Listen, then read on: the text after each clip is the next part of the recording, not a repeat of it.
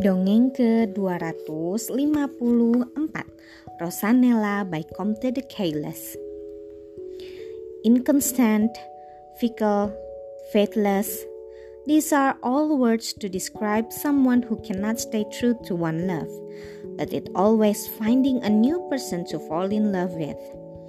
But what happens when an incurably fickle prince meets a princess no one can resist? Everybody knows that though the fairies live hundreds of years, they do sometimes die, and especially as they pass one day in every week under the form of some animal, when of course they are liable to accident. It was in this way that death once overtook the queen of the fairies, and it became necessary to elect a new sovereign. After much discussion, it appeared that the choice lay between two fairies, one called Surcantine and the other Paridamie. And their claims were so equal that it was impossible to choose one over the other. In the end, the fairy court decided that whichever of the two could show the world the greatest wonder should be queen but it was to be a special kind of wonder. No moving of mountains of any such common fairy tricks would do. Serpentine therefore decided that she would bring up a prince whom nothing could make faithful and constant to one love, while Paridamie decided to display to admiring mortals a princess so charming that no one could see her without falling in love with her. They were allowed to take their own time, and meanwhile, the four oldest fairies were to attend the affairs of the kingdom. Now, Paridamie had for a long time been very friendly with King Bardondon, who was a most noble monarch, and whose court was the model of what a court should be. His queen, Balanice, was also charming. Indeed, it is rare to find a husband and wife so perfectly of one mind about everything. They had one little daughter whom they had named Rosanella because she had a pink rose birthmark upon her throat. On the night following the assembly of fairies, Queen Balanice woke up with a shriek and when her maids of honor ran to see what was the matter, they found she had had a frightful dream.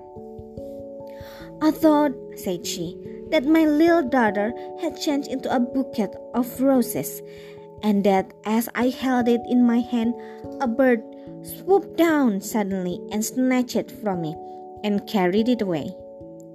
The queen would not be comforted and sent her maids to see that all was well with the princess. So they ran. But they found the cradle empty. Though they sought high and low, not a trace of Rosanella could they find. The queen was beside herself with grief, and so, indeed, was the king. Only being a man, he did not say quite so much about his feeling. He presently suggested to Balanice that they should spend a few days at one of their palaces in the country, and she agreed, since in her sorrow she no longer enjoyed the pleasure of town.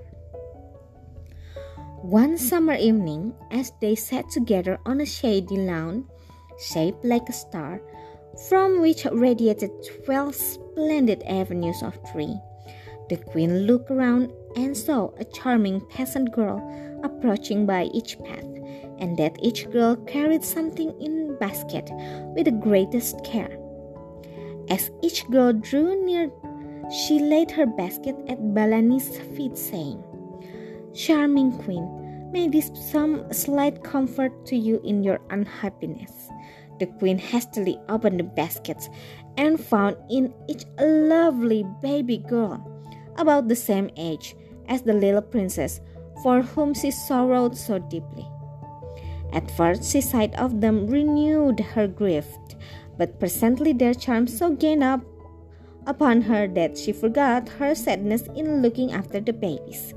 providing them with maids, cradle rockers, and ladies in waiting, and in sending hither and thither for swing and dolls and tops. Oddly enough, every baby had upon its throat a tiny pink rose. The queen found it so difficult to decide on suitable name for all of them that until she could settle the matter, she chose a special color for each girl pink for one, purple for another, so that when they all are together, they look like nothing so much as a nosegay of flower. As they grew older, it became clear that though they were all remarkably intelligent, they differed one from another in character. So much so that they gradually ceased to be known as ruby or primrose or whatever might have been their color. And the queen instead would say, Where is my sweet, or my kind, or my happy? Of course, with all these charms, they had lovers by the dozen, not only in their own court, but princes from afar, who were constantly arriving, attracted by the reports which were spread abroad. But these lovely girls, the first maids of honor, were as sensible as they were beautiful and favored one on. But let us return to Surcantine. She had fixed upon the son of a king who was cousin to Bardondon to bring up as her fickle prince.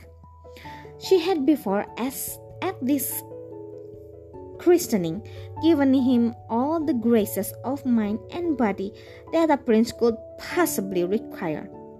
But now she redoubled her efforts and spared no pains in adding every imaginable charm and fascination. So that whether he happened to be cross or amiable, splendidly or simply attired, serious or frivolous, he was always perfectly irresistible. In truth, he was a charming young fellow, since the fairy had given him the best heart in the world as well as the best head, and had left nothing to be desired except faithfulness. For it cannot be denied that Prince Mirliflor was a desperate, desperate flirt, and as fickle as the wind. By the time he arrived at his 18th birthday, there was not a heart left for him to conquer in his father's kingdom. They were all his own, and he was tired of everyone. Things were in this state when he was invited to visit the court of his father's cousin, King Bardondon. Imagine his feelings when he arrived and was presented at once to twelve of the loveliest creatures in the world, and they all liked him as much as he liked each one of them. So that things came to such a pass that he was never happy a single instant without them. For could he not whisper soft speeches to sweet and laugh with joy while he looked at beauty? And in his more serious moments, what could be pleasanter than to talk to thoughtful upon some shady lawn, while he had the hand of loving in his own, and all the others lingered near. For the first time in his life, he really loved, though the object of his devotion was no one person, but wealth, to whom he was equally attached, and even Surcantine was deceived into inconstancy. But Paridamie said not a word. One day, the queen gave a large garden party, and just as the guests were all assembled, and Prince Mirliflor was as usual dividing his attention between the twelve beauties, a humming of bees was heard. The rose maidens, fearing their stings, uttered little shrieks and fled to a distance from the rest of the company.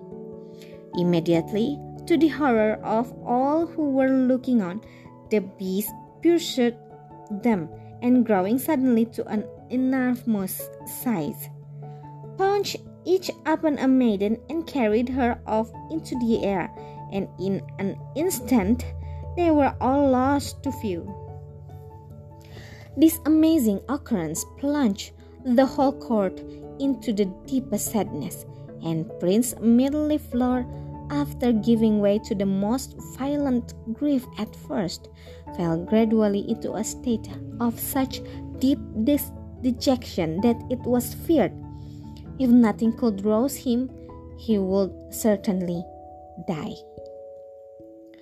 Surcantine came in all haste to see what she could do for her darling, but he rejected with scorn all the portraits of lovely princesses which she offered him for his collection. In short, it was evident that he was in a bad way, and the fairy was at her wits' end.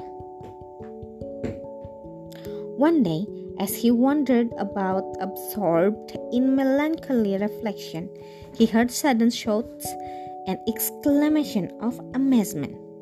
And if he had taken the trouble to look up, he could not have helped being as astonished as everyone else. For, through, for through the air, a chariot of crystal was slowly approaching, which glittered in the sunshine. Six lovely maidens with shining wings drew it by rose colored ribbons, while others, equally beautiful, were holding long garlands of roses crossed about it, so as to form a canopy. In it sat the fairy Paridamie, and by her side a princess whose beauty dazzled all who saw her. At the foot of the great staircase, they descended and proceeded to the queen's apartments. Though everyone had run together to see this marvel, till it was difficult to make a way through the crowd, an exclamation of wonder rose on all sides at the loveliness of the strange princess. Great queen, said Paridamie, permit me to restore to you your daughter Rosanella, whom I stole out of her cradle. After the first transport of joys were over, the queen said to Paridamie, But my twelve lovely ones, are they lost to me forever? Shall, shall I never see them again? But Paridamie only said, Very soon you will cease to miss them, in a tone that evidently meant don't ask me any more questions. Then, mounting again into her chariot, she swiftly disappeared. The news of his beautiful cousin's arrival was soon, was soon carried to the prince, but he had hardly the heart to go and see her. However, it became absolutely necessary that he should pay his respects, and he had scarcely been five minutes in her presence before it seems to him that she compa- combined in her own charming person all the gifts and graces which had so attracted him in the twelve rose maidens whose loss he had so truly mourned. And after all, it is really more satisfactory to be in love with one person at a time. So it came to pass that before he knew where he was, he was entreating his lovely cousin to marry him. And the moment the words had left his lips, his lips, Paridamie appeared, smiling and triumphant in the chariot of the queen of the fairies. But for by that time they had all heard of her success and declared her to have earned the kingdom. She had to give a full account of how she had stolen Rosanella from her cradle and divided her character into twelve parts, that each might charm Prince Mirliflor, and when once more united might cure him of his inconstancy once and for all. And as one more proof of the fascination of the whole Rosanella, I may tell you that even the devoted Serpentine sent her a wedding gift and was present at the ceremony which took place as soon as the guests could arrive. Prince Mirliflor was faithful only to his adored Rosanella for the rest of his life. And indeed, who would not have been in his place? As for Rosanella, she loved him as much as all the twelve beauties put together. So they reign in peace and happiness to the end of their long lives. Sekian, terima kasih telah mendengarkan. Selamat malam.